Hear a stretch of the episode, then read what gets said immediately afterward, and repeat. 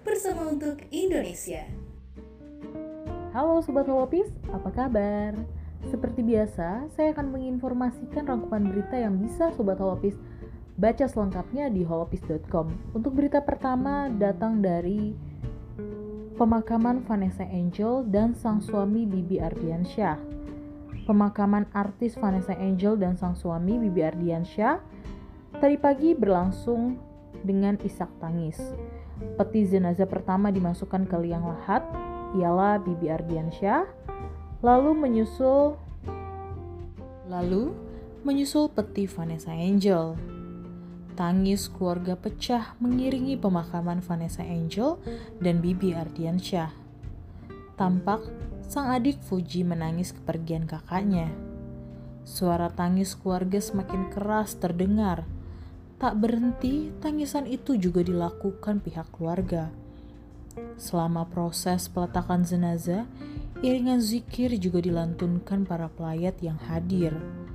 Sebelum benar-benar dimakamkan, jenazah Vanessa Angel dan Bibi Ardiansyah diberikan lantunan azan oleh salah seorang kerabat mereka.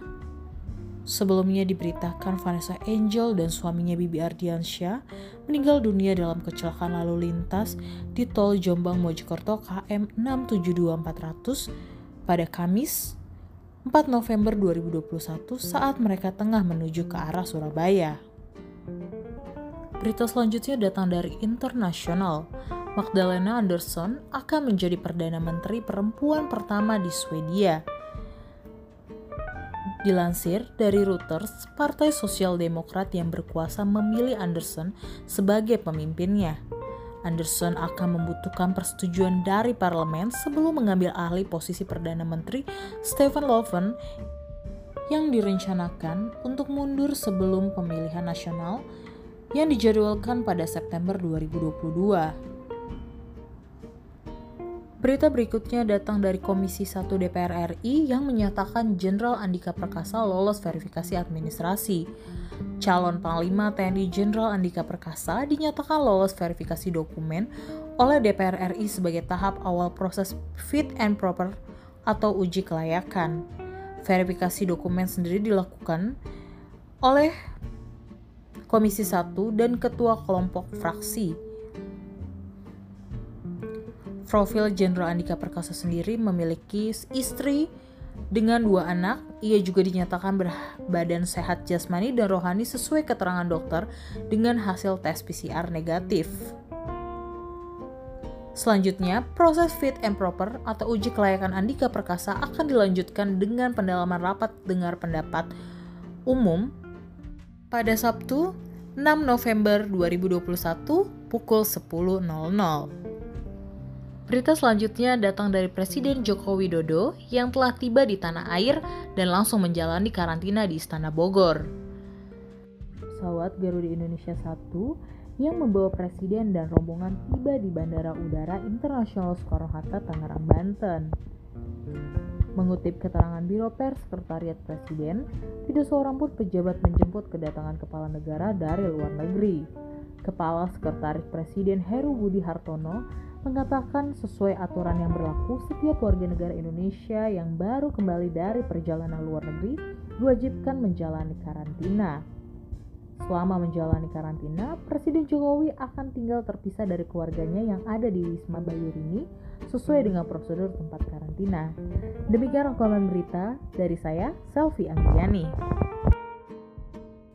Hobbies.com bersama untuk Indonesia. Kabar sobat lupis Kembali lagi dalam program Cabi yang menginformasikan beberapa berita yang telah tayang di horopis.com Informasi pertama, Presiden Jokowi tiba di tanah air setelah sepekan melakukan kunjungan ke luar negeri sejak tanggal 29 Oktober 2021. Pesawat Garuda yang membawa Presiden Jokowi dan rombongan tiba di Bandara Internasional Soekarno-Hatta. Menurut Kepala Sekretariat Presiden Heru Budi Hartono mengatakan sesuai aturan yang berlaku setiap warga negara Indonesia yang baru kembali dari perjalanan luar negeri diwajibkan menjalani karantina. Selama menjalani karantina akan Pak Presiden Jokowi akan tinggal terpisah dari keluarganya yang ada di Wisma Bayurini sesuai dengan prosedur tempat karantina. Informasi kedua, Direktur Jenderal Kependudukan dan Catatan Sipil Kementerian Dalam Negeri Judan Arif Fakrullah menegur keras aparatur dinas Dukcapil daerah yang menolak untuk memproses permohonan rekam cetak KTP L keluar luar domisili.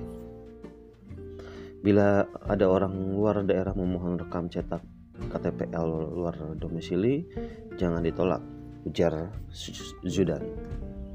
Karena baru-baru ini ia mendapatkan pengaduan ada orang luar daerah memohonkan memohon rekam cetak KTP L luar domisili di Kota Depok namun ditolak petugas tempat. Dikatakannya bahwa bila ingin melakukan rekam cetak KTP L di Depok harus pindah menjadi warga Depok.